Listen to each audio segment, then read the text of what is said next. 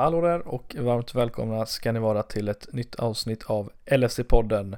En Liverpool-podcast vi gör i samarbete med LFC.se, den svenska officiella supportersidan för Liverpool. Eh, detta avsnittet kommer vi lägga fullt fokus på fa Cup-matchen som spelades mot Everton där ungtupparna slog ett väldigt starkt eh, avbetonat eh, Everton. Vi kommer även snacka upp inför matchen mot Tottenham på lördag där vi har lite information också som sagt. Det är eh, storträff syd eh, i samband med denna matchen i Malmö. Mer information finns, kommer komma senare under veckan men det finns redan ett litet körschema ni kan kika på på lfc.se men med det sagt så tar vi och eh, kör det nya avsnittet.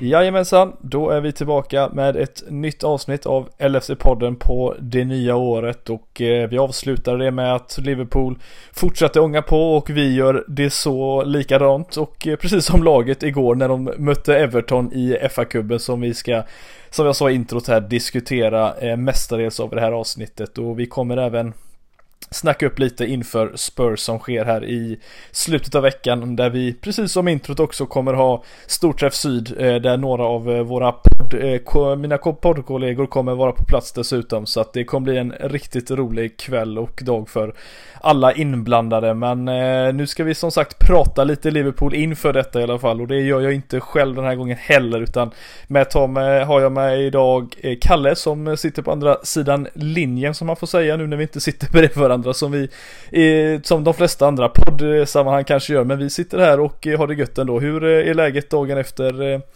ja, man har slått lillebror? Ja men det är klart det är alltid, alltid bra. Eh, det var väl en lite speciell känsla med med tanke på att det var derbysammanhang igår. Mm. Eh, normalt sett har man väl en lite, lite mer nerv inför ett derby än vad man hade igår. Men det föll ut eh, betydligt bättre än vad i alla fall jag trodde. Så att det, det är klart att eh, man mår bra. Nu känner man ju inte så många Everton-supportrar som man kan eh, jävlas med men eh, någon stackare finns det nog där ute. Ja, jag tänkte precis säga det. Jag, jag tror inte jag känner någon som faktiskt håller på Everton. Jag tror jag vet två. Eh, du vet inga, två? ja, inga, inga nära kontakter så. Men eh, skulle man stöta på dem skulle man väl kunna slänga något ord sådär. Ja, synd om de är det ju åtminstone.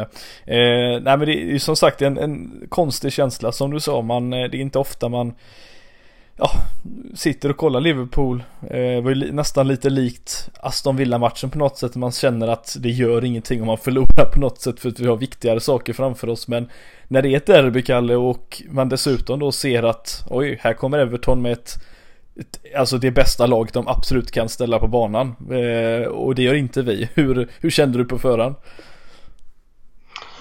Eh, ja, sen när startelvorna kom så såg man ju ganska tydligt vilket utav lagen som verkligen skulle gå för det så att säga. Eh, nu tycker väl jag också personligen att vi inte hade så mycket till val att ställa, än att ställa upp något annat lag än vad vi gjorde igår. Eh, det pratas mycket om att respektera FA-cupen som turnering och allt sånt där. Men sånt skit ägnar jag mig inte en sekund åt. Utan jag, jag tror mer på den varianten som Klopp snackade om att man måste respektera spelarna istället. Och det finns många spelare som behövde mycket vila och det fanns uppenbarligen många spelare som var jävligt sugna på att kliva in i FA-cupen. Så att... Eh, nej, det, det, är en bra... Alltså cupturneringar i sig är väl bra för, för yngre spelare att ge chansen. Och jag tycker att det nog ska vara det för, för Liverpool också. För att fokus bör ligga på annat håll. Mm. Alltså man, man, kan väl ta de här två matcherna om man räknar ihop då den här Arsenal-matchen på, på Anfield där Klopp eh, ställde upp ett ännu mer orutinerat lag eh, tillsammans med då den här Aston Villa-matchen. Samma förutsättningar i form av att ja, vi, vi ser vart det, vart det bär liksom. Men någonting som, eh, vi kommer komma in på i den här matchen också, men som jag kände när jag såg den här i alla fall eh, tillsammans med de andra är att det är fan rätt mycket fart och fläkt i det här, de här unga killarna och eh, mycket kreativitet och det är, det är roligt att kolla på dem. Även om de som sagt kanske inte ser ut som det bästa laget defensivt och mot Villa var det ju som sagt väldigt mycket ungtuppar men det känns som att det här laget eh, Går jag för långt om jag säger att de spelar en kanske mer underhållande fotboll än, än det första laget om man säger så? Eh. Just det, underhållningsvärdet när det kommer till, för vi, det första laget är ju fortfarande det bästa, det ska vi ju inte komma ifrån nu, men det är ju väldigt, väldigt mycket mönster som följs i, eh, vi vet att Trent ska slå långbollar, eh, Mané ska utmana på kanten, men det känns som att det är väldigt mycket fritt nu, eh, om man får säga så då. Uh, ja, det är mycket möjligt. Jag tycker personligen att Liverpool just nu, A-laget, kanske spelar en utav de uh, alltså mest underhållande som, som jag har tittat på som supporter. Men sen är det klart att det är alltid spännande att se alltså att unga spelarna också kan köpa in i grunden samma mm. spelsätt. Men uh, att det tar sig uttryck på, på ett lite annorlunda sätt. Jag menar pressspel, det är ju bara att titta på sådana som Jones, Elliot, Origi, Minamin och Lalana. De, de pressar ju liksom som aldrig förr. Eh, och båda, både Neko Williams och sen Larucci, de, alltså de köper ju också in på det här att det ska vara offensiva ytterbackar. Så att det, det är mycket som är likt i spelet och det är klart att det är jävligt underhållande att se att även de unga spelarna behärskar att spela på det här sättet. Mot alltså ett ganska bra Premier League-motstånd måste man ju säga. För att det laget som Everton ställer upp igår. Det är det är ett lag som förtjänar att ligga lite bättre än vad, än vad Everton gör i Premier League-tabellen också. Så mm. det är klart att det är jävligt imponerande. Ja, nej det får man ändå säga. Och vi får inte glömma av att det här Everton-laget är ett lag som är lite på nytt fött eh, under Ancelotti nu som de senaste eh, matcherna som sagt. De började med eh, några imponerande vinster så att det är inte så att de kommer från eh, jo, det är klart innan dess har de varit fruktansvärt totalt urusla och framförallt eh, var de inte ännu, ännu sämre när de besökte oss tidigare under säsongen. Men det är, nej, det, det är kul att se att, eh, att ungtupparna som du säger kan, eh, kan acceptera att det är så här vi ska spela och eh, känns som de skolats in ganska bra på träningarna hur, hur de ska agera i, i mycket av det här pressspelet som du nämnde också. Men det är, nej, det, vi ska diskutera lite mer av eh, de spelarna men eh, just det där som du nämnde att, eh, att det var mycket rotation eh, trots att det då var sex dagar till nästa match. Eh, du tyckte ändå att Klopp gjorde helt rätt att vila så många spelare ändå. Eh, nu, nu, nu är jag visserligen med facit i hand men tror du att han skulle göra det med tanke på att det ändå är ett Everton som, och ett derby? Ja, men på något sätt tror jag ändå för att det var ganska tydligt ändå på många sätt tycker jag att alltså huvudsakligt fokus ligger på på Premier League och det läget vi har där nu så vore det dumt att riskera någonting. Eh, derby är ju alltid ett derby men är det, är det något derby man ska kosta på sig och kanske förlora så är det väl det här. Eh, men eh, sen är det klart att det, alltså under julperioden och under hela hösten egentligen så har ju Liverpool spelat samma spelare ganska återkommande. Så att det är många spelare som, som behöver den här vilan som de kan få nu fram till, fram till lördagen. Så att Ja, jag, jag hade nog väntat mig ganska mycket rotationer och det var väl något liknande det här eh, laget som jag, hade, som jag hade väntat mig. Mm. Nej, för vi kan väl ta det laget som, eh, som, som just ställdes upp då, för vi kommer ju diskutera några av de här eh, eh, spelarna också som sagt lite, lite senare i avsnittet. Men eh, Adrian fick ju komma in, det, det känns ju ganska såklart i de här matcherna att han ska få eh, få chansen eh, och, och vi, de rutinerade om man tar dem då. Det var ju Milner och sen var det ju Gomes som får räknas som det. Eh, och, och Lalana då på, på, eh, på mittfältet tillsammans med Origi längst fram. Eh, sen är det ju inte som sagt så jättemycket vad ska man säga, eh, rutinerade spelare runt omkring men ändå så har, eh, kändes det som att de har spelat upp ganska länge. Och vissa av dem tog lite mer ansvar än andra. Hur, vem kände du någon som eh, av de här, ja, lite mer rutinerade som tog eh, tog, tog tag i taktpinnen om man säger så, verkligen visade, visade vägen. Alltså ja, Lalana är väl eh, det uppenbara om man ska ta bland de eh, alltså rutinerade spelarna som styrde matchen. Eh, men den som jag personligen tyckte var spindeln i nätet om man går ifrån den här rutinerade delen av laget. Det är, ju Pedro Chirivella. Jag var extremt imponerad av honom igår jag vet inte, för mig har han bara alltid varit någon form av spelare som har funnits där i bakgrunden och man har funderat vad, vad han gör kvar i Liverpool. Men så kommer han in och, och gör en sån här match. Så det var det som imponerade mest på mig. Men sen måste man även eh, se klart att det är lättare att bli imponerad av den typen av spelare än om Lalana gör en bra match. Mm. Men eh, av de rutinerade spelarna, om man får kalla dem det, så tycker jag att Lalana var den som, som stack ut mest. Så Chirivella är ingen sån här exotisk Connor Randall då. Eh, utan det är... det, det, det, är en, det, är det man ja, det är det man har trott. Man har ju trott att han har varit någon form av iberisk eh, Jay Spearing eller något liknande. Men tydligen så kan han ju fan spela fotboll. Det är ju helt sjukt. Mm. Ja, nej, det är, det är som sagt kul. Han har ju, är han inne nu snart på sitt sjunde år va, i Liverpool. Eh, och man känns ju som att han är en sån spelare som alltid finns med på de här försäsongsturneringarna och lägren och sen så försvinner han bara någon annanstans och så kommer han tillbaka ett år senare. Det är ungefär så faktiskt rätt många Liverpool-spelare i den här åldern har varit som man inte riktigt kan Ja, man, ja, nu nämnde jag ju honom, Conor Run, nu är inte han kvar längre, men han var en sån spelare också som, och varför jag drog upp den jämförelsen just med att det kändes som att de, de finns där, de försvinner, kommer tillbaka, men de tar aldrig liksom nästa steg, men nu är det visserligen en match då Kalle, men tror du att det finns någonting här nu eller var det en, en bra match bara? Alltså jag, jag tror man ska vara jävligt försiktig med att liksom dra stora växlar över en spelare som man knappt har reflekterat över i, på sju år och mm. kommer in och gör en bra match. Det är klart att det var jävligt imponerande. Och jag har redan läst i, idag om att det snackas om kontraktsförlängningar och liknande. Men det känns väl som att han eh, har väl varit intresserad av att lämna ända sedan i somras. Det var väl på väg till Danmark eller Norge, någon klubb där som sket sig precis i slutet. Om jag inte missminner mig helt. Och sen har det varit någon eh, alltså, krångel med oregistrerad i, i några cupmatcher och sådär. Så att det känns som att det är en spelare som är på väg bort och han har nog kanske haft siktet inställt på det. Sen kanske han omvärderar sina tankar efter matchen igår. Men eh, jag har svårt att tro att det är någon spelare som ska kunna liksom ta någon mittfälts, mittfältsroll i Liverpool. Utan det är väl den här typen av matcher där det roteras kraftigt som han, som han skulle få speltid i så fall. Mm. Men om vi säger så här, om man håller de här mittfältspelarna som vi har nu. Nu vet jag att vi har mycket skador på, på många mittfältare. Nu kom visserligen, blev jag chockad måste jag säga att, att Oxlade var tillbaka redan på bänken igår och dessutom fick spela. Det, det, det är en annan, eh, en annan diskussion att ta men eh, hur, hur, många, eller finns det någon spelare om vi håller Chivreya som en av dem av de här lite yngre spelarna som kanske inte spelar i laget just idag, så kanske utlånare som ändå är ganska nära just den här positionen som en ja, sittande mittfältare eller box till box mittfältare. Finns det några ute på lån? Ja. Uh... Grujic är väl en kanske till och med, ja, eller främst. Det är, ja, det är väl det liksom mest logiska alternativet och det har väl både Klopp och, och Grujic själv varit tydlig med att det är liksom en säsong till på lån. Sen är det hans tur att liksom pröva sina vingar i Liverpool och se om det funkar. För att Lalana kommer mest troligt lämna.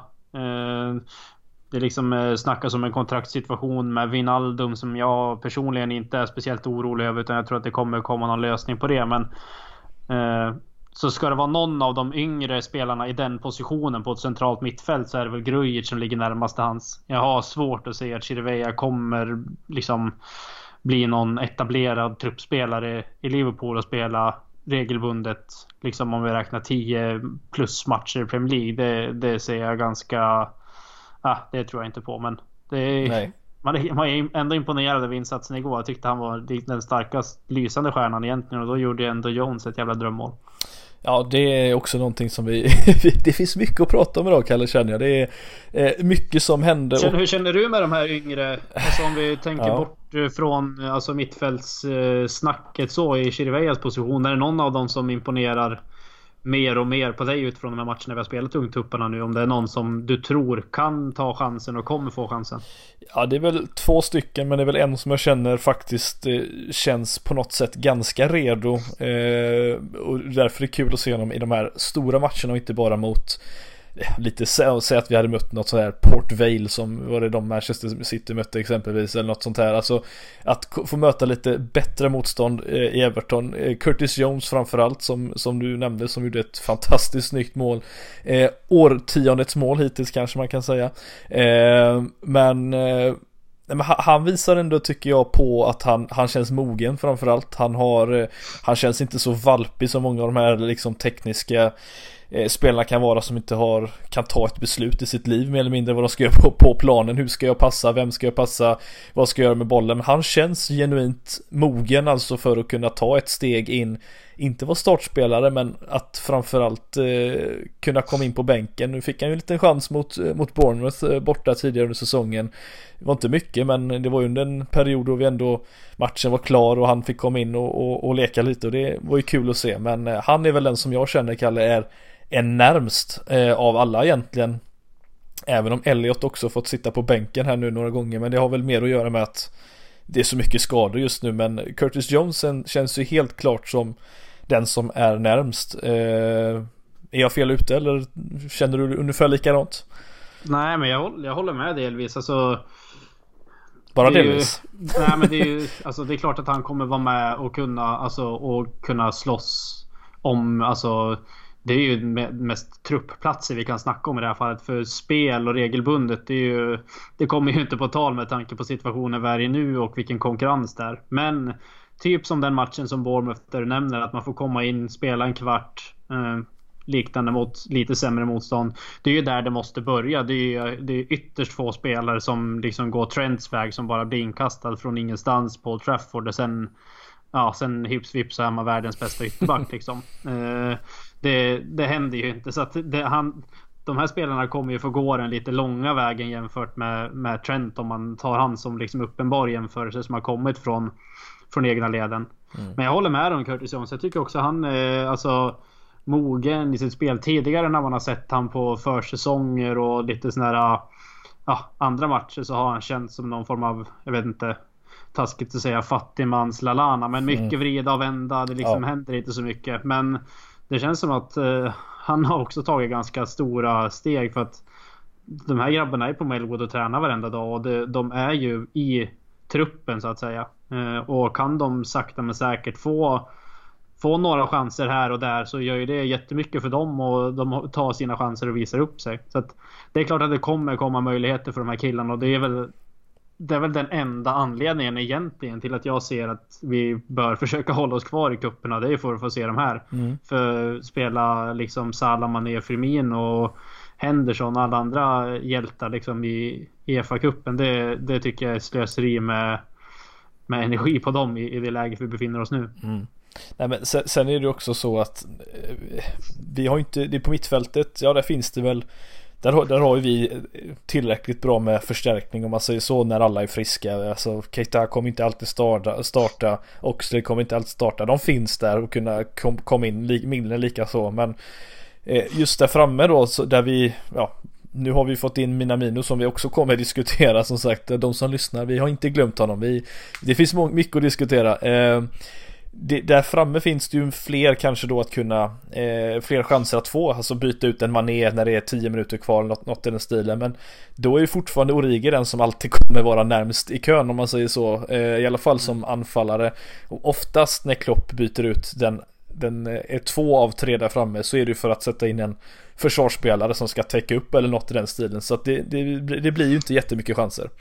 Eh, Tyvärr Nej, och ska man säga, alltså ska man säga någon av de spelarna som startade igår som jag tror kommer vara mest inblandad i trupperna, sitta på bänk och eventuellt kunna vara med och få lite speltid. Det är ju Neko Williams för att mm. han, han har ju, tycker jag, de matcherna man sett här nu och det var ganska intressant att se intervjun med Klopp efter matchen också att eh, liksom bara på de här senaste månaderna har vi trott mer på Neko Williams än vad han har trott på sig själv och hela sitt liv liksom. Och det har kommit lite som en chock för honom verkar som. Men mm. alltså jag tycker han också går från klarhet till klarhet och är väl egentligen det uppenbara liksom direkta alternativet som högerback efter Trent. För att eh, det är klart att Gomes kommer att spela där någon match också om det nu blir att det kommer rotationer i, i mittbackskonstellationen eh, igen. Men jag ser ju helst Gomes som en mittback och då tycker jag Nico Williams kan gå som någon form av backup till Trent och få spela där när tillfälle ges. Så att eh, den vi kommer få se mest i truppsammanhang när startelva och bänk kommer, det tror jag absolut är Nico Williams. Ja, det är intressant faktiskt. Det, det är ju en, en, spelare som jag tror de flesta faktiskt inte ens eh, visste eh, fanns, tänkte jag säga, eh, innan eh, Arsenal-matchen där han stod för en fantastisk insats och ett snyggt assist till det där Origis kvitteringsmål där i slutsekunderna. Men det är ändå en kille som har spelat i Liverpool-sidan, ja, U9, U10 nivå liksom, så det är rätt, rätt länge han ändå har spelat där eh, och kommit fram. Eh, så att jag, jag håller med dig, jag tror att han, han, han har ju bevisat att han har eh, vad ska jag säga, hans spelsätt funkar väldigt bra in i, eh, i den här ytter, ytterbackspositionen som, som vi har eh, och hur Trent spelar även om de är ganska olika så sett. Men han är ju väldigt bekväm med bollen eh, som vi även såg igår och eh, duktig på att eh, hitta eh, så här finurliga små instick och liknande. Eh, tror du att han får en, får en möjlighet redan den här säsongen? Jag menar, vi har ju pratat om hur ligan fortfarande inte över, eh, är över och det är den inte men jag menar, säg att vi det ser väldigt bra ut i april, Kalle, exempelvis. Och det, det märks att fan det här ser ganska bra ut. Tror du att Klopp kommer att eh, ja, tänka om lite kanske? Jag tror alltså om situationen skulle bli sån att det, det skulle vara en liksom sluttamp av, av säsongen där det mer eller mindre är klart. Eh, och det hoppas man ju verkligen att det är. Men mm i så fall, eh, skulle en sån situation uppstå, då tror jag absolut att han är en av de spelarna som skulle kunna få speltid. För att Trent är nog en av de liksom hårdast matchade spelarna i truppen tillsammans med några andra som får spela jäkligt mycket. Och finns det liksom ett alternativ som kan hoppa in utan att göra bort sig och liksom ha framtiden för sig och är hungrig liksom, då, då tycker jag absolut inte att det är någon, något fel med att slänga in honom då. Mm. Uh, så att, eh, nej det, är, det, det beror ju helt på situationen hur, hur ligatabellen ser ut och antal matcher som är kvar att spela och sådär. Men låt oss säga den typen av match där Curtis Young finns komma in. Om vi säger att vi hittar på att vi leder 4-0 mot Norwich till exempel med 20 minuter kvar. Ja, fine, plocka Trent och släng in honom då och ge han chansen att spela lite sådana typer av byten, det, det, hoppas jag och tror att vi kommer få se längre fram till våren. Mm. Nu, nu gick jag ju ganska långt fram här och drog en ex, extrem, eh, ett extremt exempel. Men det, vi kan ju vara ett, ett ännu värre exempel om vi säger så här då. Nu såg vi en, en Milner gå ut skadad efter 10 minuter igår. Absolut inte det vi ville se. Eh, Klopp sa ju efter matchen att eh, han eh, såg ut att vara eh, i, i, smärta och då vet man att han är skadad.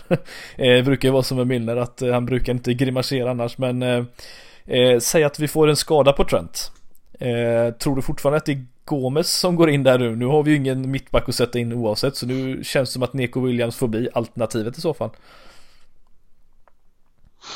Ja, alltså ska Gomes spela mittback så då är det ju klent med alternativ på ytterbackspositionen. Men alltså jag, jag har ytterst svårt att se om det skulle vara sådana omständigheter att Trent skulle bli skadad i februari till exempel mm. och vara borta, alltså vi pratar månader. Ja, i det läget vi är nu så tror jag nog att man skulle dra ett lite mer säkert kort än att spela Neko Williams. Men mm. jag, tror, jag tror att det kommer uppstå möjligheter för honom att få spela. Men jag tycker att det är lite tidigt efter att man liksom ska om man ska bedöma de två matcherna som är uppenbara nu egentligen mot Arsenal och Everton. Ja, viss mån även andra matcher. Men så det är klart att han har imponerat om man ser att han har någonting. Och Klopp tror ju uppenbarligen på honom för att han har ju varit med i trupper många gånger. Så att det är klart att han kommer få spela men det är nog lite tidigt kanske att slänga in honom som, som någon joker liksom om det skulle uppstå en, en längre frånvaro mm. på Trent. Mm. Ja, nej det är klart. Och nu verkar det som att det är lite spelare på väg tillbaka här nu. Fabinho eh, börjar ju närma sig sin, eh, sin, åt, eh, sin comeback. Eh, Matip likaså, men han vet man ju absolut ingenting om. Jag läste en grej som jag tyckte var lite kul. Eh, som känns väldigt typiskt både Liverpool och konkurrenter i det här fallet Manchester City om hur Ja, när var det matchen? Han var, gick ut skadad. Var det mot eh, Matip alltså? Eh, United borta var det han fick en, en liten eh, smäll va? Eh, har jag för mig. Eh, och han har väl varit med i en match sedan dess och så han var med någonstans och sen försvann han igen och eh, nu känns det som att vet du, Laporte som drog någon liksom korsband eller vad fan han drog Han är tillbaka lika snabbt mer eller mindre och man vet liksom ingenting om Matip eh, Liksom status på honom, man läser ingenting, man har inte fått höra så mycket Det är lite oroande tycker jag Ja, jag vänder på det åt andra hållet nästan. Att jag, jag tror att om man inte hör någonting så, så blir det liksom inte en sån pressad situation. Det är mm. ganska farligt att sätta upp något form av datum att Matip ska vara tillbaka på alla hjärtans dag. eller när nu tanken är att han ska vara tillbaka. Men ja. det är ganska... Det blir en pressad situation då om det nu skulle vara åh oh, nej, han får nog vänta en liten bit in i, i mars innan han är tillbaka. Ja, då blir det lite... Då börjar det liksom knorras bland supportrar och att det blir... Ja, fan det är ännu mer krångel nu. Så att jag tycker nästan det är bra att alltså kolla Gomes nu. Det finns ingen anledning att byta ut honom även om Matip skulle vara tillbaka. Nej. Men ah, jag vet inte. Jag är inte så brydd över den situationen nu om jag ska vara ärlig. Så Nej. länge Lovren kan liksom återuppstå med någon form av eh, närvaro i alla fall. Som backup så tycker jag att det är fullgott tills vidare. Mm. Ja, nej, det, vi, vi lär väl återkomma till den diskussionen lite längre fram. Men eh, nu tycker jag att det, det ändå känns dags att prata om, eh, om en debutant, eller vad säger du?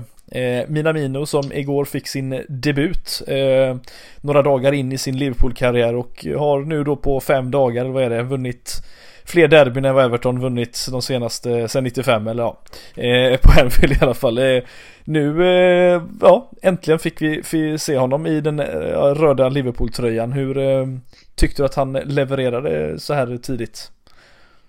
Alltså det är en ganska jag tycker det är ganska orättvist, alltså delvis det man får höra från, från kommentator eller från kommentators håll att att eh, han delvis liksom försvann i matchen och sådär. Det är ganska mm. svårt att komma in i en debut och på den positionen han fick spela nu som nia, vilket jag inte trodde att han skulle göra. Nej, jag trodde jag att han skulle ha någon form av roll, att han skulle få hämta lite mer boll och driva upp än att få ja, Ja, du förstår vad jag menar. Jag, tror, mm. jag tycker personligt att det blir problematiskt. Alltså, där är ju egentligen Firmino unik egentligen. Att, alltså, Minamino försökte i viss mån efterlikna den rollen. Han fick kritik för att han gick ner och hämtade för mycket boll och att han var för tunn i boxen. Jag vet inte om det var ett snack om det, att han skulle försöka liksom spela lite som Firmino, komma ner, hämta boll och sen att Elliot och Origi skulle komma in lite. Jag har faktiskt ingen aning, men att eh, Alltså att, det... kritis att, kritisera för att bli tunn i boxen, det, jag vet inte. Det, jag, jag, var faktiskt jag var faktiskt förvånad att inte Origi spelade där. Det är dit jag ja. ville komma. Ja, nej det, det är jag med. Jag tänkte bara säga det på tal om det du säger. Att det är så fruktansvärt jäkla eh, taskigt att göra den jämförelsen av, av dem också med tanke på att det Firmino har bredvid sig är två stycken wingers som båda vann skytteligan liksom på 22 baljor var eh, förra säsongen eller var det 21 eller något sånt där. Alltså det, det det är så mycket, och Origi och Elliot är inga spelare som, som på det sättet bryter in och går rakt på mål på det sättet som Mané och Salia. Så det, det är en väldigt taskig jämförelse. Men jag tror tanken Klopp kanske vill ha in här eh, var väl att han skulle få se hur Kommer vi kunna byta ut Firmino mot Minamino i, i några matcher och fortfarande få det att fungera lika bra? Eh, kanske något åt det hållet. Eh, det är ingen dum idé heller, men jag menar, de är rätt lika på väldigt mycket. De är fruktansvärt bra bollbehandling, eh, halas in i bomben och eh, har ett öga för just den här sista lilla passningen. Det har vi ju sett honom ha mot oss framförallt också under tidigare här i Champions League eh, gruppspelet. Men min, min tanke måste väl vara att han vill få in någon som kan eh, efterlikna så mycket som möjligt. Tror du inte det? Alltså det, det du säger, är, jag tror att jag tycker det verkar helt logiskt om man, om man ser till Alltså man har inte sett Minamino spela mycket fotboll men om man ser de två matcherna mot Liverpool i alla fall mm. Så har han ju varit den typen av spelare som tar bollen framåt i banan hela tiden Droppar ner lite, hämtar den Och det är en betydligt tacksammare uppgift att spela med Mané och Salah Som hela tiden ja. alltid har liksom näsan riktad mot mål mer eller mindre. Och kan han gå in i den positionen så tror jag att det kommer funka. Jag, jag, jag ser inga problem här för att han är den typen av spelare som kan droppa ner, hämta boll och att eh, både Salah och, och Mané går in lite grann som jag tror att tanken var med både Origi och Elliot igår. Men det, det funkar liksom inte. De hamnar, framförallt Elliot hamnar ganska mycket utmanad på sin kant. Men... Mm.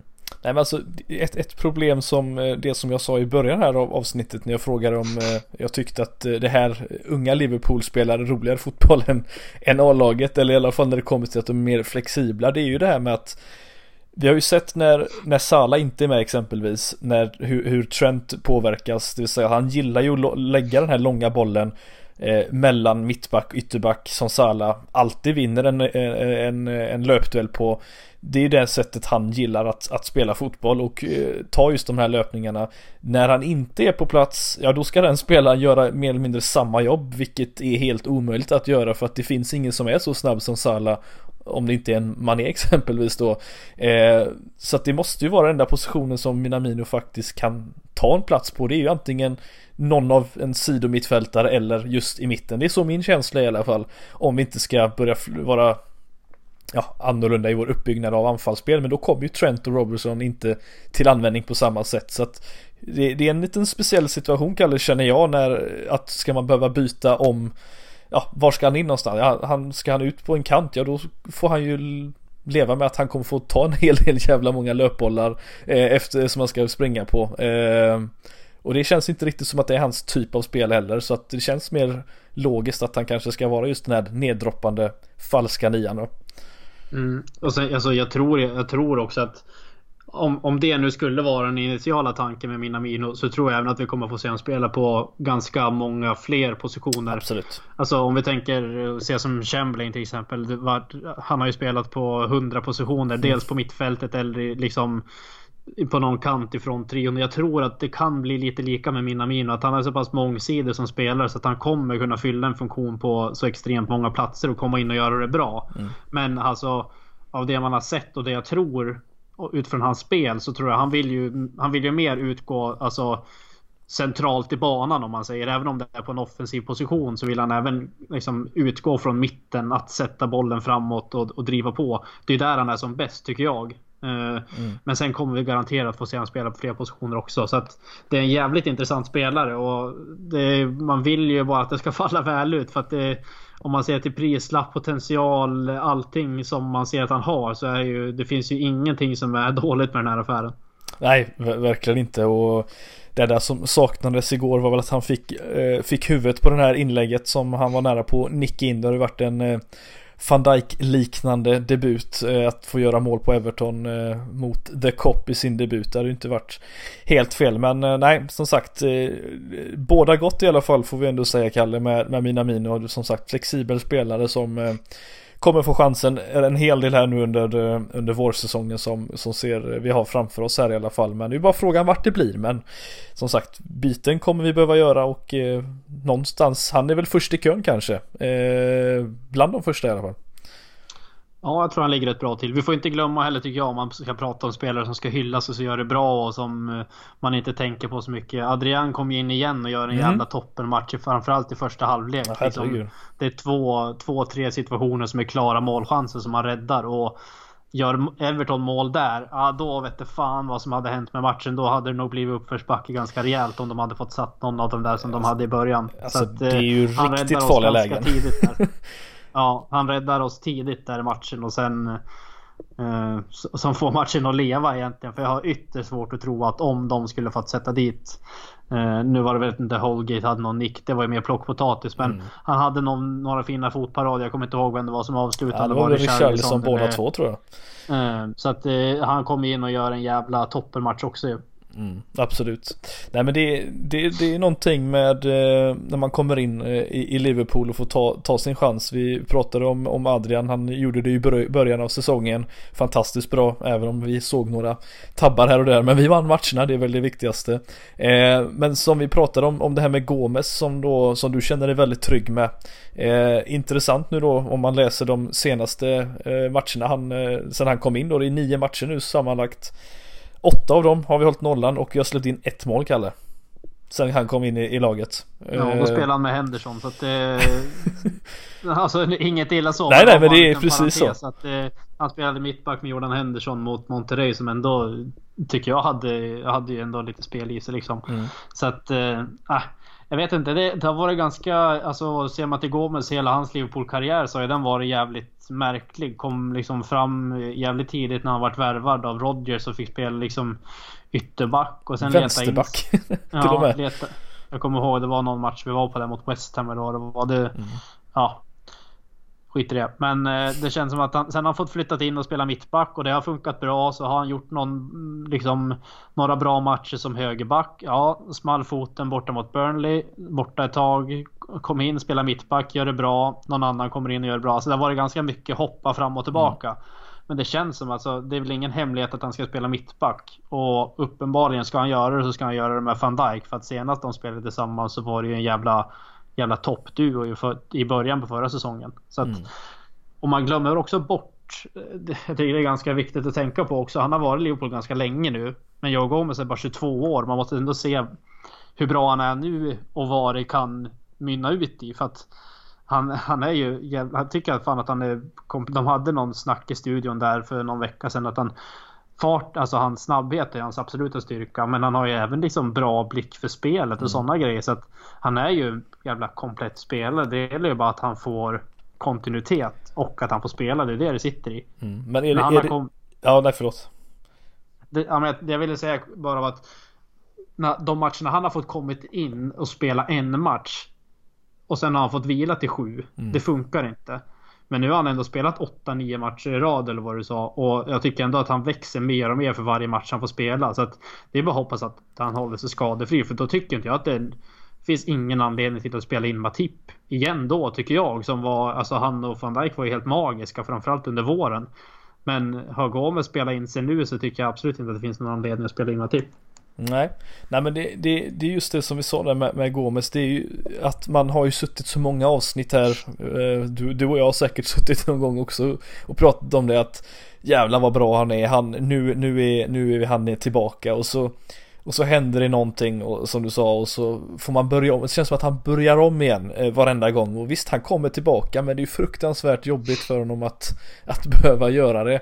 Eh, varenda gång ska man behöva komma tillbaka eller spela sig in igen. Eh, vi, vi, har ju många år eh, försökt jämföra med, med vart vi vill Liverpool ska gå liksom och bygga den här dynastin som ja, Manchester United hade och visst de hade två stycken fruktansvärt jävla bra mittbackar som alltid spelade men de hade ju rätt bra backup som kom in och var stabila och det är ju det vi har nu om vi som sagt har en Gomes frisk vi har en Matip frisk och vi har en van Dijk frisk för då har vi ju tre stycken faktiskt toppklass mittbackar som kan ja, variera runt. Visst, van Dijk är ju inte den man faktiskt byter ut för då, då har vi ju sett att det ser inte jättebra ut men Eh, vem som helst bredvid honom kan faktiskt spela. Det kommer se bra ut oavsett. Och det, det känns väldigt tryggt men håller helt med om att det är Gomes som borde vara där med tanke på att han har Även om Matipi är fruktansvärt duktig också i sitt uppspel och har en bra passningsfot så har ju Gomes just eh, Han är ju atletisk så in i bomben. Han är ju precis som van Dijk, alltså snabb, stark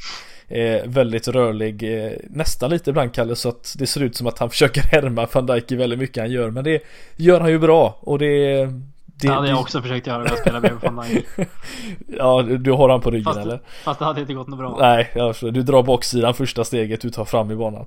Eh, nej men det är, nej, det är jättekul men som sagt Gomes eh, imponerande senaste han har fått spela. Det måste vi ändå eh, säga. Eh, ja. Som sagt, alltså, ett mål insläppt grejen är det är lätt att framstå som någon form av kappvändare här nu som sitter i ena sekunden att Gomes ska spela, sen att Matip ska spela. Men alltså om man ändå ser till Alltså när Gomes, när, när Gomes verkligen får spela och då snackar vi 8-10 plus matcher att han får spela på rad. De gångerna han har fått gjort det, då tycker jag att han varje gång har bevisat att han är en jävla klassback. Som har tiden framför sig också. Och får han spela bredvid van Dijk, då tycker jag att det finns ingen liksom ingen anledning till att spela in någon annan som har kommit från en skadefrånvaro. Sen kommer det absolut komma situationer där Gomes behöver vila och då kommer vi ha extrem nytta av att ha en sån som Matip som också är en jävla klassback för att spela bredvid van Dijk. Så att det är en, precis som du nämnde, det är en tacksam situation att ha alltså en bredd på mittbackspositionerna som vi absolut inte haft på väldigt länge. Att vi ändå i alla fall har tre riktigt bra backar att rotera på. Och sen kan Lovren komma in och spela också. Och många gånger gör det jävligt bra. Till exempel mot, om det var mot City eller vilka det var han var jävligt mm. bra mot. Jag kommer inte ihåg. Leicester var det eh, ja, ja, mycket möjligt. Mm. Men sen så kan det vara någon match han kommer in och sen tänker man så här, äh, ja, det var så här bra han var. Men mm. det, alltså, det ingår liksom lite i paketet Dejan Lovren. Men att man har de andra tre att rotera på och ändå försöka spela ihop något form av första par. Och där tycker jag Gomes ska ingå. Mm. Hur länge tror du Lovren eh, accepterar ett sånt, eh, en sån situation? Fram till sommaren tror jag. Du jag tror, tror, mm. jag tror att eh, vi går och vinner Premier League nu. Lovren är jävligt nöjd. Han har fått vunnit liksom eh, det han har kunnat vinna och mer än vad han borde ha vunnit. Och sen kan han liksom varva ner någon annanstans. För att det var ju på gång redan till eh, nu kommer jag inte ens ihåg vilka det var, men det var någon italiensk klubb i somras. Eh, oh, att, ja. ja, det har precis. Det har diskuterats tidigare i alla fall. Det är väl. Eh, så att jag, svår, jag skulle tro att han, att han är en av de spelarna som skulle kunna lämna till sommaren. Mm. Ja, nej det är en, en bra situation tänkte jag säga med mittbacken i alla fall här Kalle som, som vi har. Vi hoppas ju att eh, Eh, att inte någon av dem går sönder ytterligare. Vi såg väl van Dijk igår tror jag det var. Han hoppade, eller i förra matchen hoppade upp i någon eh, någon nickduell och sen så såg han ut och grimaserade lite och tog sig runt, runt foten. Tänkte fan ska han försvinna nu också? Det var, hade varit det absolut värsta. Vi får eh, inga fler skador eh, säger LFC-podden. Det är väl eh, det, det vi får, eh, det är det enda vi säger här nu. Det är den ståndpunkten vi står fast yep. i allra mest. No more injuries. Det, det, är någonting vi jobbar hårt för. Så är det. Vad eh, tänkte jag säga? Jo, eh, en spelare som, eh, som kom in faktiskt i, igår, eh, sent, sent i matchen visserligen, eh, Ryan Brewster. Eh, pratas lite om att han faktiskt eh, ska lånas ut från och med nu till eh, slutet av säsongen till Swansea. Eh, ryktet säger i alla fall att Liverpool vill ha med honom till den här matchen med tanke på eh, att de behövde vila spelare för att sen då kunna låna ut honom. Eh, hur, hur ser du på, på en sådan typ av affär? Att eh, låna ut honom eh, just nu? Ja, klockrent tycker jag. Uh, man, om man ser till hans situation. Alltså det har ju varit problematiskt ända sedan han skadade egentligen att han ska få regelbunden speltid och det har han ju inte fått. Eh, och han är ju absolut en av de spelarna som verkligen är, alltså om vi ska se offensiva spelare som har framtiden för sig. En av många. Han och Elliot är de mest uppenbara eh, som finns i klubben nu. Sen har vi ju liksom eh, ganska en ganska skicklig spelare som är nere i Bournemouth och gör det bra också. Men eh, jag tycker att det är helt rätt för honom att, lån, att, att lånas ut för att få just regelbunden speltid. Och det behöver han nu efter att ha varit skadad också. Så mm. att eh, det finns... Eh, jag vet inte, innan vi tryckte igång här så läste jag någonting om att mer eller mindre var klart med Swansea. Och det, skulle det vara ett alternativ så är det ju kanon att komma och spela framförallt mycket matcher i Championship och troligtvis få spela en del också. Mm, nej men det är, jag, jag har alltid tyckt att det är de här spelarna som, som vi pratar om, eh, ja, han räknas väl på något sätt in tillsammans med de här spelarna vi nämnde förut. Alltså har fått vara med nu i, A-laget och spela lite och har ju något absolut väldigt intressant att bevisa. Är, man vill ju gärna att de ska gå till någon, ja, Premier League-klubb men då, där får de inte lika mycket speltid. Men framförallt Championship där de kan visa upp sig likt Harry Wilson gjorde förra säsongen och eh, vi, vi, ja, det är bara vi kollar vart det har tagit honom just nu och eh, fått chansen som sagt. Men det känns som ett bra steg i alla fall Eh, för honom att kunna ta, även om det bara är mindre än ett halvår, men att få, få spela lite det är, i en sån liga, det måste ju ge honom väldigt mycket. Får vi se hur, hur långt det tar honom, han är ju fortfarande också väldigt ung, men eh, eh, nej, det kan ju inte bli, bli dåligt i alla fall, det, det kan vi väl hålla med, vara överens om. Det tycker jag, ja. absolut. Eh, sett till matchen Kalle, mer någonting som du känner att vi har glömt innan vi går vidare till, till det som komma skall här nu till, på lördag? Eller du har ju nämnt allting, jag... Adrians räddningar och allt det där. Ja, Målet kanske vi ska nämna. Väl...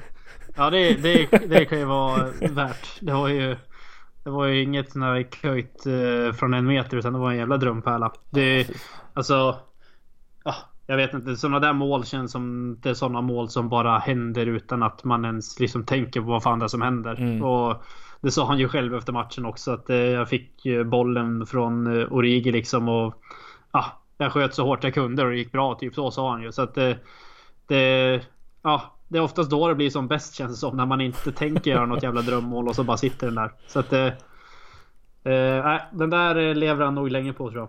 Ja, nej jag tyckte det bara var så kul. Han fick ju vi satt ju och pratade om för, för just eh, månad sen, månader när det nu var, vi mötte Arsenal där i ligacupen att han vill ju ta den här sista avgörande straffen eh, framför The Cop och, och skicka oss, eh, oss vidare. Och så tänker man att Tänk om man skulle sagt till honom att du förresten du avgör ett, ett derby mot Everton med ett drömmål eh, några, någon månad senare. Då hade han nog inte trott på oss men eh, Nej det är jättekul för en sån eh, local kill att få, få göra en sån här grej faktiskt. Men eh, Och på det sättet som sagt det, det kunde T-Rex inte göra någonting åt. Nej tyvärr, det var, han hade ju läst på där att han hade lite korta armar och Så han hade gjort sin hemläxa. Alltså jag måste bara säga jag vet att, att det är att man skämtar om det men alltså han hade räddat så fruktansvärt många mer mål om han hade haft längre armar alltså det Jag ja, säger inte ja. att han har räddat den här men alltså hade Courtois stått i målet med de långa spagettiarmarna Det är inte omöjligt att han hade fått en, ett finger på men Det känns som att han inte ens försöker men det Han når ju inte Ja, jag, vet, jag har faktiskt aldrig reflekterat över att han verkligen har korta armar. men jag vet inte om det var något du tänkte på innan han började sjunga, de började sjunga sådär. Men eh, alltså om man ska, om man ska se till Jones, du snackade där om att slå avgörande straffer mot Arsenal. Det var också någonting som är ganska kul att höra när de snackade med Klopp efter matchen. Att det är en spelare som det, liksom, det saknas inget självförtroende hos den där killen utan han tror att han kan uträtta precis vad som helst. Mm. Och det är därför han tar de, gör de här typerna av målen och kommer kunna visa framfötterna för att han har sån tro på sig själv. Att han vill slå sista straffen. Han sänker Everton här. Nu var säkert inte det någonting han hade planerat men alltså det visar ändå att det är en spelare som uppenbarligen har kvaliteterna som krävs för att kunna vara med liksom in and around the first team eller vad man ska säga. Och han verkligen tror på det själv också. Så att det, det är sådana små saker. För att det är många spelare känns som att de har varit nära på att liksom slå sig in. Men att de har fan inte haft skallen för och då har de bara runnit ut i sanden istället. Mm. Så blir det som Adam Morgan att man sitter och kör taxi istället. Ja det, det är fan en tragisk historia det. Men eh, jag vet inte. Slå igen den här matchen i en liten låda och eh, skicka över den till Goodison och så kika vidare mot mot Spurs till helgen kanske. Det låter som en bra idé för det var faktiskt precis dit jag, jag var på väg och eh, det är inte ofta man, man sitter och diskuterar, eh, jag har ju suttit i den här podden rätt många gånger och varje gång man har suttit och pratat om eh, inför Tottenham så har man ju varit lite små, må, smårädd. De har ju också varit i ett, eh, en situation där de har spelat väldigt bra fotboll. De har varit eh, högpressspel och det har varit Eh, roliga att kolla på helt enkelt. Och de har just eh, skapat problem för Liverpool tidigare några gånger. Och Klopp eh, en gång eh, som sagt väldigt stora problem. Men sen vad hände det ju någonting. Och så har det blivit ett litet skifte därefter Kalle. Men nu är det inte riktigt samma typ av Tottenham som vi kommer gå upp emot. Nu är det ett José Mourinho Tottenham som man aldrig trodde man skulle eh, säga. Men eh, som sagt helt andra förutsättningar eller vad säger du? Ja, alltså ska man snacka alltså, internt mot Tottenham så här kändes det som att fram till typ 13-14 så kändes det rent spontant som att vi hade det ganska tufft mot Tottenham och sen efter det egentligen så har jag Ja, det är få matcher mot Tottenham jag har suttit och varit orolig inför måste jag säga. Mm. Även fast Tottenham har varit jävligt bra vissa tillfällen. Men Ja, det, det känns som ett, eh, alltså att det har varit en, en tid nu, ett litet maktskifte eller vad man ska säga. Fast Tottenham aldrig var någon riktigt stor makt så i, i Premier League mått mätt. Men det, det ja, jag sitter med samma känsla nu igen. Jag är inte speciellt orolig för helgen heller. Nej, alltså det som sagt, det var ju den här 4-1 matchen på, på Wembley där eh, Lovren kanske hade sin sin sämsta dag på jobbet eh, när han blev utbytt efter 30 minuter. Men sen dess så har det ju faktiskt har vi både vunnit på, på, ja, inte på Tottenham Stadium men på, på Wembley och slått dem på bortaplan och vi har slått dem på hemmaplan. Det har gått bra helt enkelt och vi slog dem även i Champions League-finalen. Men eh, nu är det ju ett, ett lag som ligger hela, vad är det, 28 poäng bakom Liverpool med en match mer spelad än vad vi har. Eh, utan Kane som drog, drog en baksida senast. Det känns som att det är mycket som går emot dem även om de har sånt tillbaka men eh, vad, vad, talar någonting för Tottenham i den här matchen eller är det, är det Liverpool all the way? Jag vet inte. Hemmaplan. Typ, ja, ja, alltså. Jag vet inte, jag har faktiskt inte ens någon aning om vad Tottenham liksom har för tanke själv med det. Jag har inte sett jättemycket av Tottenham sen Mourinho klev in och var, liksom, tog över skeppet heller. Men Alltså någon form av reaktion har de ju absolut fått men... Ja, jag vet inte. Det... Nu senast liksom mot Southampton. Det... Aurier. Ja, inga liksom som man är superrädd för så men...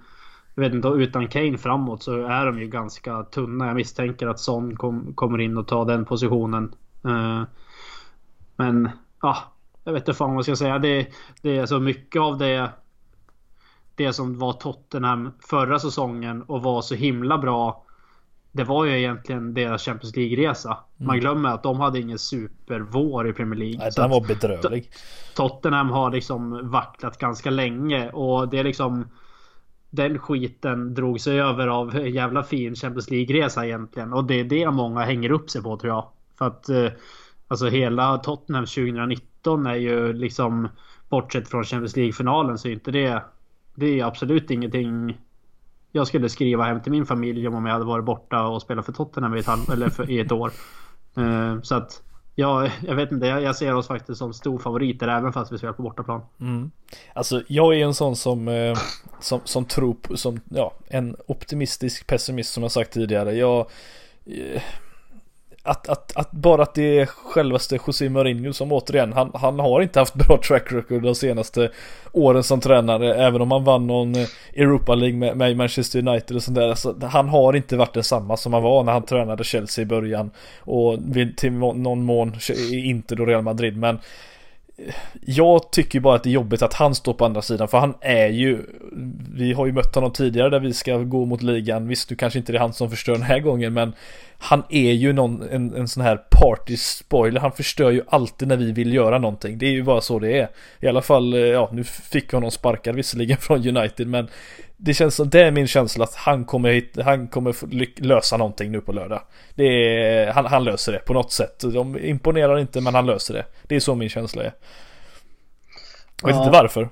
Nej, ja, jag vet inte. Jag, du, kan, du kanske är fast i något, eh, i något eh, gammalt tankesätt där på Mourinho och Chelsea-tiden. Jag tycker ju personligen sen han fick sparken från Chelsea och sista tiden där så har det väl liksom det har ju bara varit en lång jävla pyspunka på Mourinho egentligen tycker jag. Han har ju varit tröttare än någonsin och han, hans lag har inte presterat heller. Nu vann han ju visserligen någon titel med, med United i Europa League och någon inhemsk cup eller vad det var. Men ah, jag vet inte, jag känner inte samma liksom rädsla för honom längre. För förr när han var framförallt i Chelsea så har jag alltid haft en sjuk respekt för honom och då då kände jag lika som du känner nu att han kommer hitta något sätt att förstöra matchen. Men mm jag vet inte om jag känner likadant längre eller om det beror på att vi är så jävla bra så att man eh, Jag vet inte att man känner sig odödlig både själv och liksom i supporterskapet och jag vet inte fan. Nej. Men eh, ja, jag vet inte.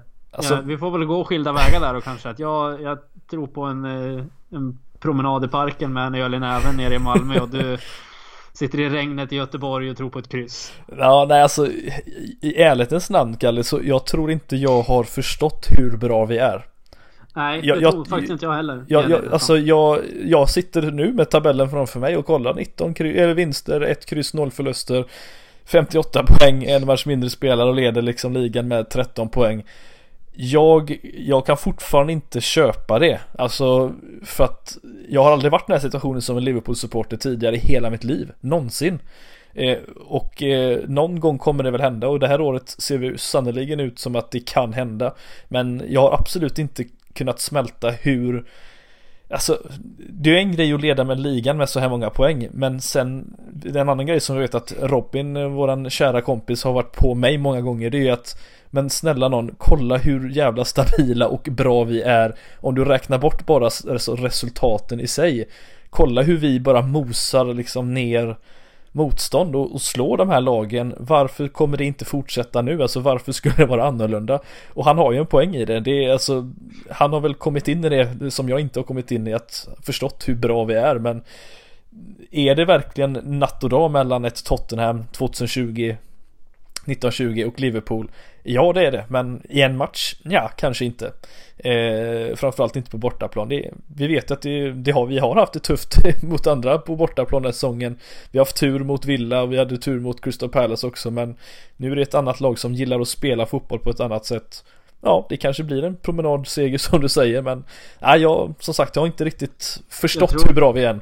Nej, jag tror att det kan vara så där också att man tänker ja, vi är betydligt bättre än dem. Ja, det är ingen hemlighet. Kolla på tabellen. Men i en enskild match, låt oss säga på King Power mot Leicester. Mm. Ja, det kanske inte är så klart, men jag tycker att vi har visat det tillräckligt många gånger nu. Mm. Alltså gång på gång på gång egentligen, både mot City och Leicester och alla andra topplag som vi har spelat liksom bra mot. Jag tycker bara Wolves senast är ett sånt exempel också. Att vi, vi, vi hittar ständigt liksom sätt att, hit, att vinna matchen. Och nu, nu skedde det under omständigheter som varit omtalade liksom mot, mot Wolves. Men även om vi inte spelar bra så har vi alltid hittat sätt att vinna. Och det är lite därför jag känner så här, ja vad fan.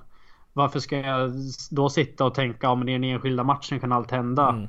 För det kan det ju göra. Men jag liksom Jag bara förlikar med tanken på att jag ska fan inte tänka på det sättet Vi kommer bara köra över allt och det, det är lite så man känner sig nu också och jag förstår ju Alltså jag vågar inte ens tänka tanken på vilket självförtroende det är liksom i Liverpools omklädningsrum. Det måste ju vara helt uppåt väggarna.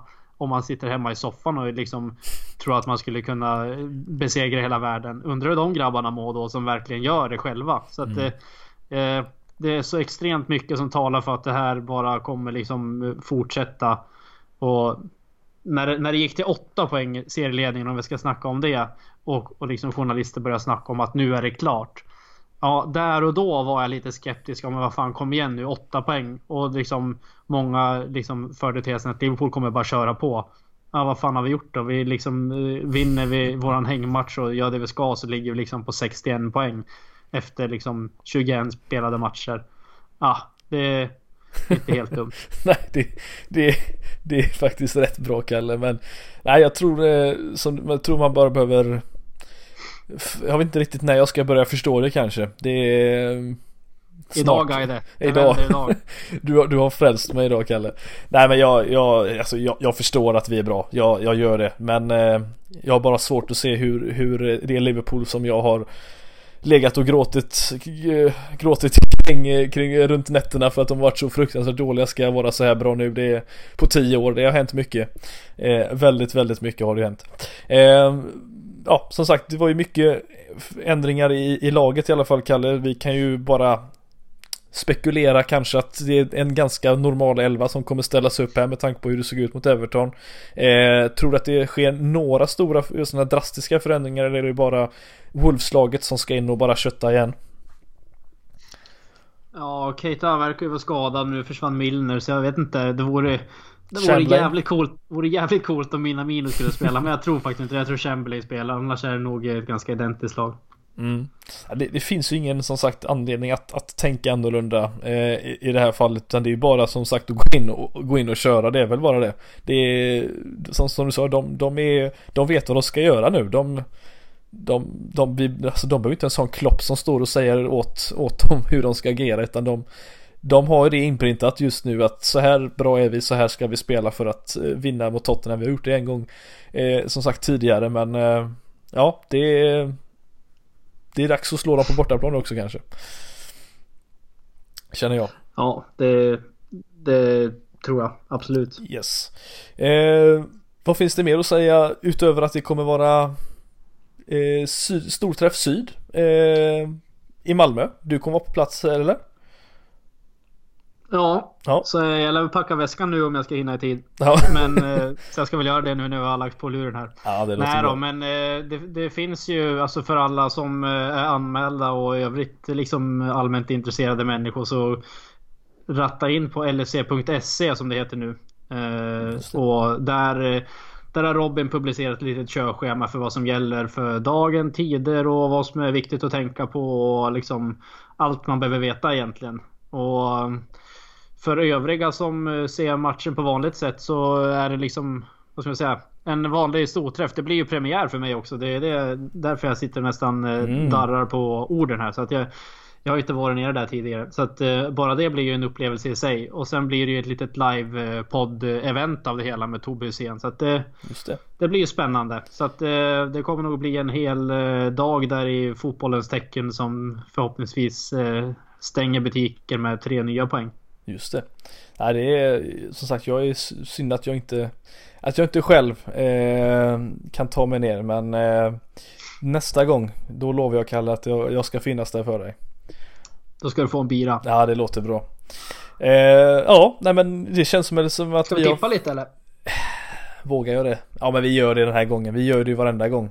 Så varför inte? Hur, eh, hur tror Kalle att det slutar? Uh, jag tror att det slutar, jag vet inte fan om vi håller nollan eller inte, men jag säger 2-0 då. Oh. Eller 0-2 om man ska vara 0-2, riktigt akademisk. Ja, just det. Du hade inte vunnit en tisha med LFC-podden om du hade tippat så. Ja, det vet vi ju inte. Vi vet inte hur matchen går. Men mest troligt hade jag ju inte vunnit på ja, 2-0. Du, nej, nej, det hade du nog inte gjort. Eh, nej, jag tror eh, 2-1 till oss.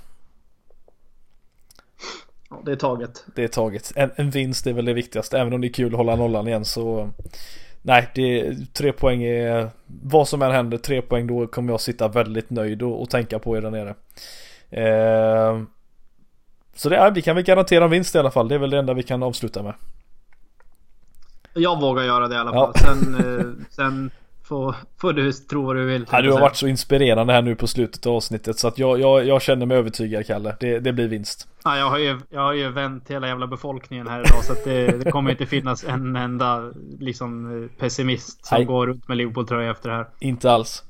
Nej men det är fantastiskt Kalle. Tack så mycket för idag och tack alla lyssnare för att ni har eh, lyssnat på oss också. Så eh, hörs vi. Alternativt ses vi och några andra på, på lördag helt enkelt när det är Storträff Syd i Malmö när Liverpool gästar eh, Tottenham och ska ta tre nya poäng. Ha det så bra så hörs vi snart igen. Hej!